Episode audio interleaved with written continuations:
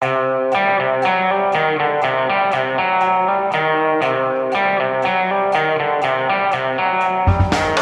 Jonas Gahr Støre en buklanda smelta softis, eller er Arbeiderpartilederen den store vinneren der ute på Hurdalssjøen? Og den svenske billedkunstneren Lars Vilks er død. I live ble han stående veldig alene, mener vår tegner Roar Hagen. Ja, velkommen til Mæland og gjengen i den første høstferieuka i år. Det som har skjedd siden sist, er at enkelte av oss i gjengen har blitt veldig avhengig av å samle skritt, og har derfor gitt blaffen i hele podkasten sin for å dra til Dolomittene for å gå på tur. Og derfor så sitter jeg her i studio. Jeg er vikar for Anders Giæver. Jeg heter for Astrid Mæland, og det er mandag 4. oktober. Og med meg i dag så har jeg gjengmedlemmene Tone Sofie Aglen og Roar Hagen. Ja, Tone Sofie Aglen, nå må jeg nesten bare innrømme at jeg begynner å bli litt lei av folk som meg sjøl. det er du sikkert ikke alene om. altså, den siste uka så har jeg lest så mange analyser av det som har skjedd eh, der ute på Hurdalssjøen i regjeringsforhandlinger. Jeg vil bare si at det nesten blir bare dummere hvor mer jeg leser. For etter at SV gikk ut av forhandlingene i forrige uke, så har det kommet så utrolig mange forskjellige syn på den saken her fra folk som oss. Ja, nei, Vi ser jo analyser som spriker fra at eh, Støre er den store taperen, eh, til at han er den store vinneren, at han er en bløffmaker, at han er historisk svak. Og i dag leste jeg til og med en leder som sa at han kanskje bare er grenseløst naiv. og Eh, nå er det jo litt sånn vår, oss som kommentatorer, vi har jo en tendens til å dra på litt med ord noen ganger. og Det er jo for så vidt et privilegium å få mene ulikt. Men det som jeg kanskje syns eh, denne diskusjonen bærer litt preg av, er at eh, man diskuterer så utrolig mye forskjellig. Og hva som er liksom riktig svar, er veldig avhengig av hva spørsmålet er. Og det syns jeg ja, blitt surra veldig mye sammen i mange av disse analysene. Ja, hva er det vi blander sammen da? Hva er det vi, de forskjellige diskuterer? Ja, nei, jeg mener at det er liksom særlig to ting. Det ene er litt sånn eh, liksom, Det er litt sånn strategiske. Sånn, hvem vinner og hvem taper. Eh, eh, og, og hvert fall, når jeg hvert fall skrev min kommentar om at det, det, er Støre som har mest å tape, var det vel jeg brukte da. Ofte så går det liksom fort fra, vi, fra ting skjer til vi skriver. Så mange av oss har vel kanskje med fordel eh, nytte av å bruke litt mer tid på å reflektere. Men jeg mener jo på en måte at, at det at man ikke fikk til en flertallsregjering, er det Arbeiderpartiet som har mest å tape på. Eh, for det første fordi eh, Arbeiderpartiet tross alt gikk til valg på en rød-grønn regjering, i motsetning til Senterpartiet, som bare ville ha Senterpartiet og Arbeiderpartiet. Da er det liksom lett å se at det er Senterpartiet som er nærmest å få viljen sin her. Eh, det andre er at tradisjonelt så er det det store partiet, en koalisjon, som har mest å vinne på at det er en flertallsregjering. Det er i hvert fall det vi ser historisk. Det kan jo selvfølgelig endre seg. Men det jeg syns veldig mange blander litt sånn sammen, det er eh, hva man sjøl ønsker seg. For jeg ser at eh, F.eks. Skjalg Fjellheim i Nordlys og Trønderavisa er ute og sier at dette er kjempebra, han er den store vinneren, dette blir så mye bedre. Og det tror jeg liksom, de begrunner det veldig med at uh, for den delen av landet der de bor, så er liksom SV et litt sånn eh, parti, eh, idealistisk byparti, som de kaller det. Har en klimapolitikk som de kaller eh, ikke gagner hele landet. Og at, at, vi politisk har å tjene på det. Hvor du har Dagsavisen og, og Dagbladet på den andre sida, som argumenterer veldig ut for at dette er et veldig sånn stort tap for landet, og at en eh, SV i regjering ville gitt en bedre klimapolitikk og en mer rettferdig politikk, og argumenterer veldig ut fra sitt eh, personlige syn der. Mm. Jeg tenker at det er et triks der. Hvis det er en sak jeg må kommentere som jeg ikke kan noe om, da drar jeg på på retorikken, for da er det eneste som står igjen at jeg kan å skrive. og det er kanskje litt slik det blir av og til, for det er jo stengte rom ute på Hurdalssjøen. og det er jo Eh, sånn som vi jobber, da, kommentatorer og journalister, er jo å snakke med kilder. Men kan man egentlig stole på kildene når det er tre partier der som skal prøve å bli enige om å danne en regjering, og nå det er to igjen? altså Er det verdt å høre på dem? Jeg tror i hvert fall at uh, det som lekker ut fra Hurdalssjøen uh, på det tidspunktet her, er ting uh, de ønsker at skal lekke ut. Og det er helt åpenbart at det er SV sin versjon som, som har fått dominert, naturlig nok etter at de gikk ut. For jeg tror liksom det å holde tett er ganske viktig for de aller fleste. Og det er jo en litt sånn tommefingerregel i sånne forhandlinger at uh, jo mer man vet, jo mindre snakker man, og, og omvendt. Men så det er jo ingen av oss, tror jeg, da, som har noe sånn fullstendig oversikt over uh, hva som har skjedd. Og det er jo åpenbart SV som har hatt mest å vinne på forklare hvorfor de måtte gå. Så merka vi litt på slutten av forrige uke at Arbeiderpartiet hadde behov for litt sånn brannslukking og det å og, og, få fram eh, sin versjon. Og nei, vi har kommet gått langt for å komme SV i møte og sånn. Men nå, nå er det fortsatt ikke noe galt i at, uh, at man drar på verken med retorikken men uh, noen ganger tror jeg kanskje det har vært litt sånn uh, ryddigere, og man var litt sånn tydelig på hva, hva som var forskjell på en analyse og hva som er en meningsytring. For det er det som kanskje er blitt i overkant mye sammenblanda, som gjør at jeg tror folk er ganske forvirra på både hvem som er taper, og hvem som er vinner, og hvem som er bløffmaker, og hvem som er svak.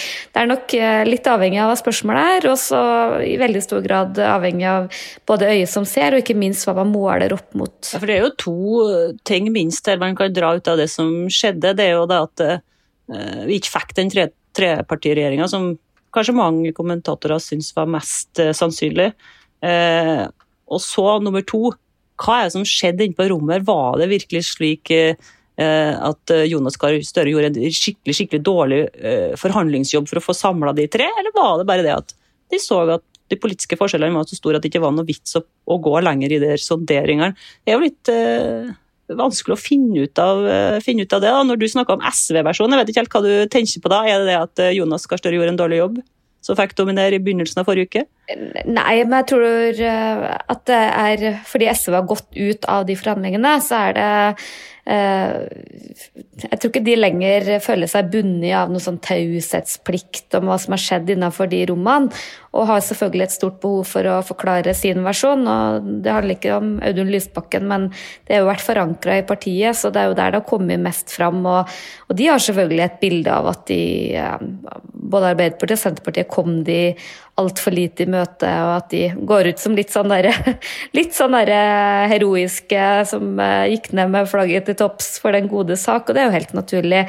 Mens eh, det som i hvert fall Arbeiderpartiet og andre har prøvd å spinne i etterkant, er at eh, SV hadde totalt urealistiske forventninger, og at de fikk masse, men egentlig ikke hadde lyst på makt. Det er jo litt sånn, og det er også sånn jeg ser at at Nordlys beskriver det, men det er, hvert fall jeg personlig kjenner jeg blir litt sånn provosert av, det er når man fremstiller sånne kommentatorer som sånn sorggrupper for at SV ikke ble med i regjering. Når jeg mener at Arbeiderpartiet har mest å tape på en eh, flertallsregjering, så handler det ikke om min personlige eh, preferanse for hva som er, er best. Det er mer ut fra hva jeg opplever at Arbeiderpartiet hele tida har eh, kommunisert. Så, så tror jeg kanskje at den der frykten for en mindretallsregjering er noe overdreven. Jeg tror eh, I det mediesamfunnet vi er i i dag, så tror jeg veldig mye kommer fram, uansett om man har flertall eller ikke, at mer av eh, uroen innad i en regjering blir, kommer mye mer til uttrykk. Og politisk så kan det jo være mange som syns at det er bedre å få en regjering som er nødt til å ta ulike hensyn, og ikke er en rød-grønn eller en borgerlig regjering for den del. Altså, det, en mindretallsregjering kan jo også bli en populær regjering nettopp fordi man må ta mer hensyn og, og legge seg mer mot sentrum hvor flere av velgerne er. Det, og for oss som kommentatorer, i den grad man har en sorg for noen ting, så er det jo mye artigere for oss med en mindretallsregjering enn det er med en flertallsregjering. Ikke sant. Jeg var i ferd med å søke på sånn eh, omskolering som revisor før den nyheten eh, kom eh, i forrige uke, så nå, nå, skal jeg fortsette noen år til som kommentator. Men hva med det, Roar Hagen? Hva syns du om norsk kommentariatet den siste uka? Nei, Det viser jo litt av tendenser i tiden, da, at, at det er polarisert. Og, og det er kanskje, kanskje lettere å ty til store ord enn en, en relevant analyse. Noen har vært gode analytikere, men andre har jo latt humøret gå av, eller løpe av med seg og, og levert underlige aktivistiske partsinnlegg som kan tyde på en viss, eh, en viss personlig meningsengasjement da, til fordel for eh, en spesiell versjon av eh, rød-grønt flertall. Kanskje. I hvert fall eh, morsomt å hevde det. Ja, ja, jeg er helt enig. Men, men det, er jo, det, er jo, det, er jo, kanskje slik at, at, at, det å stå i midten og være saklig er veldig vanskelig i dag. Så du, du skal gjerne trekkes mot en av sidene. Det er litt av en balansekunst å være saklig og gi en saklig analyse, men det er jo det eneste som gir mening å lese. da. Det er jo noe med det Tone Sofie er inne på her, at eh, er jo, vi er jo betalt uh, som kommentatorer for lønna vår for å mene både det ene og det andre. og Vi kan godt gå inn for både eh, SV og Arbeiderpartiet, men det som er litt juks, er vel kanskje å late som om det er en analyse. og det blir blanda sammen litt der. Spesielt nå når valgresultatet er ferskt, og det finnes en faktisk situasjon hvor det skal forhandles, så er jo meninga til enhver kommentator litt mindre interessant enn ellers. Ikke sant. Fordi at prosessen er i, i den nåværende fasen. Så man kan godt mene ting, men det er jo nokså uten grunnlag, da, foreløpig. Hvis en ikke har eksepsjonelle kilder.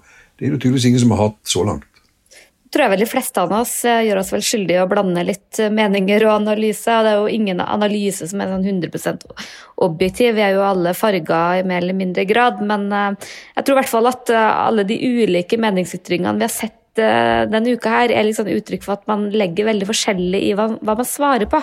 Liksom, snakker man om Støres lederskap, eller snakker man om hva slags politikk som er best for landet, eller snakker man om uh, Eh, strategisk hvilke alternativ som vinner fram. Det er veldig mye forskjellig da, som blir liksom røra litt sammen, og som jeg tror kanskje gjør at vi som kommentatorer ser litt ut som en litt sånn, ja, en litt sånn underlig, sprikende gjeng. Det ble jo en del tolkning av Støres smil der på slutten som kanskje var litt uh, komisk.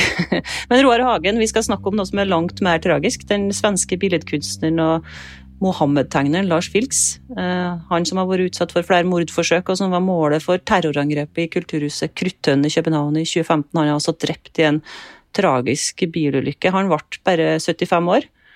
Og du, Roar, du vet mye mer om Lars Vilks enn meg. Hva var det han var kjent for her eh, hjemme i Norge? Altså, Inntil han ble unnskyld, Muhammed-tegner, så var han jo f.eks. professor i kunstteori på Kunsthøgskolen i Bergen fra 1997 til 2003 og underviste i kunstteori.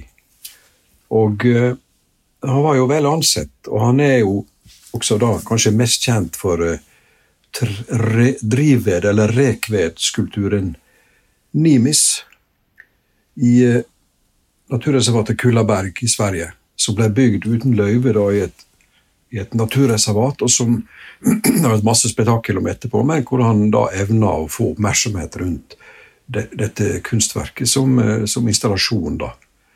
Og eh, Han har alltid vært en spennende kunstner, men aldri vært spesielt kjent som, som tegner. og Det var jo da han lagde sin såkalte rundellhund, som er en, en rundkjøring, en, en, hund som står i rundkjøring, som, som da har fått et ansikt som da skal være profeten Muhammed, at det ble spetakkel. Hva tegnet han den?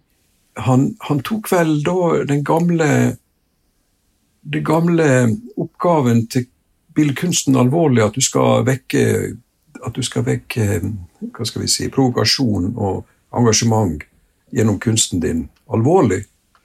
Og lagde dette for å peke på en, et tema som han syntes var viktig. da. Etter karikaturstriden, ikke sant? Eh, som, uh... Ja, rikt, riktig. For det var jo en veldig betent greie, og han ville jo vise dette her på sin måte og uh, tok en beslutning om å lage denne tegningen, som ble trykt i den svenske Ørebro-avisen Nerikes Allehanda, og, og uh, som da avstedkom kraftige protester og trusler mot uh, sjefredaktøren, da, Ulf Johansson, og mot svenske selskap som Ikea, og Volvo og Eriksson osv. Trusler mot Reinfeldt og ja, alt det vanlige spetakkelet som som, som slikt uh, avstedkommer, og så måtte han da i dekning. Og har bodd i dekning siden. Uh, og nå har jeg nettopp sett den danske filmen 'Kruttønnen', som tar for seg det som skjedde der. Som var knytta til et uh, Lars Wilks arrangement. Og hvor det da blir utført et terrorangrep mot, mot lokalet. Og, to mennesker dør. da. Først en på på Kruttønnen, og så en utenfor den jødiske synagogen i, i København. Så veldig bra og aktuell film nå, da, spesielt nå når, når Wilks er død. Og, og, han er jo gitt en figur også i, i filmen. Så dette her er veldig spesielt. Eh, det som, det som har skjedd videre, er jo at det som er en nokså likegyldig tegning, egentlig, som er jo bare en enkel strekktegning, har blitt verdensberømt og kanskje historisk takket være protestene. Du kan si at protest, Protestaksjonene og truslene har blitt en del av kunstverket, som er jo helt i Lars Wilks ånd, egentlig. Eh, publikum er en del av kunstverket. Sånn sett så er han jo en ultramoderne kunstner. Og eh, når han nå er død, så vil jo være enda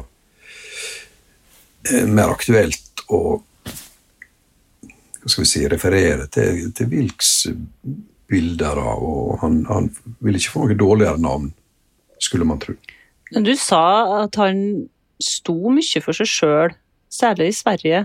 Jeg husker at eh, danske Flemming Rose, redaktøren som også levde med livvakt etter Mohammed-krisen, han, han, skrev om Wilks, Lars Wilks i Vikenavisen i fjor, og han kritiserte politibeskyttelsen som Wilks fikk, fordi han mente at svenskene var uprofesjonelle. Han mente at eh, debatten i Sverige handla av og til om at eh, om det var verdt å bruke så mye penger på å beskytte en fyr som var så uspiselig.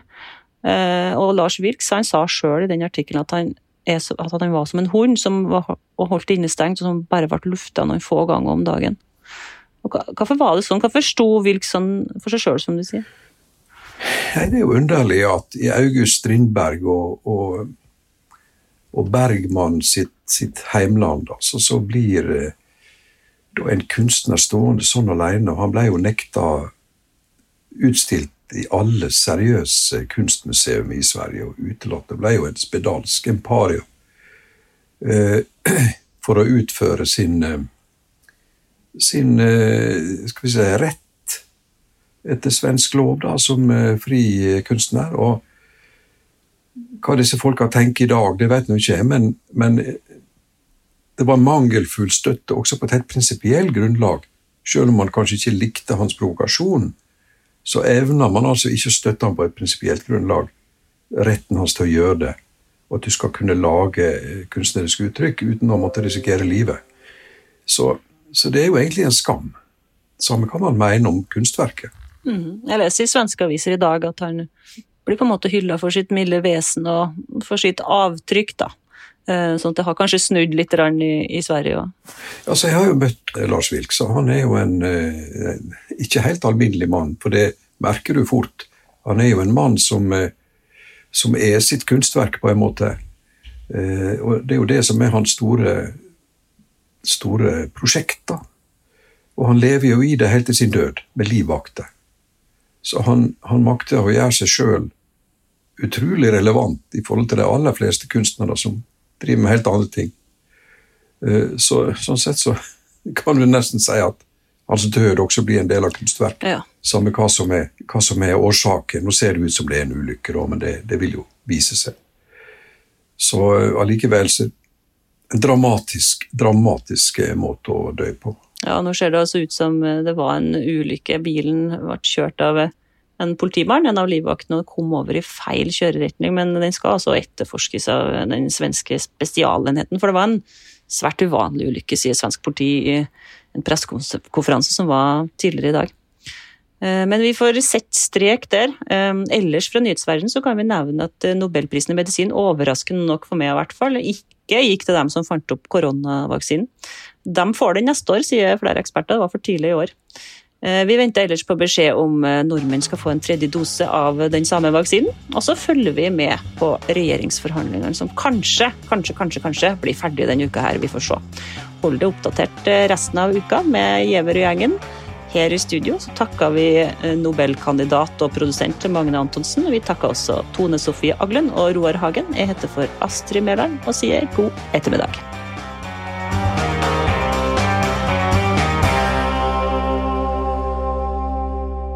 Du har hørt en podkast fra VG.